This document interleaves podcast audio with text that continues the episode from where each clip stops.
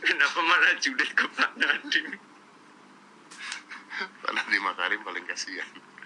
Oh, tapi nanti kalau go to IPO beliau jadi triliuner. bro. Iya memang.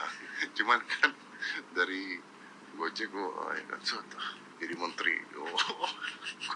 Saya bilang enak jadi pengusaha. Salah jalan itu Pak Nadiem. gue tuh ngomong sama dia waktu itu bro lu tuh kayaknya sial bro. hari ini lo jadi menteri besok sekolah bubar